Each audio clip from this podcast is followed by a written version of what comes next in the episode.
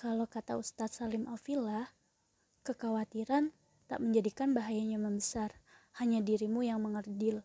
Tenanglah, semata karena Allah bersamamu, maka tugasmu hanya berikhtiar, dan di sana pahala surga menantimu.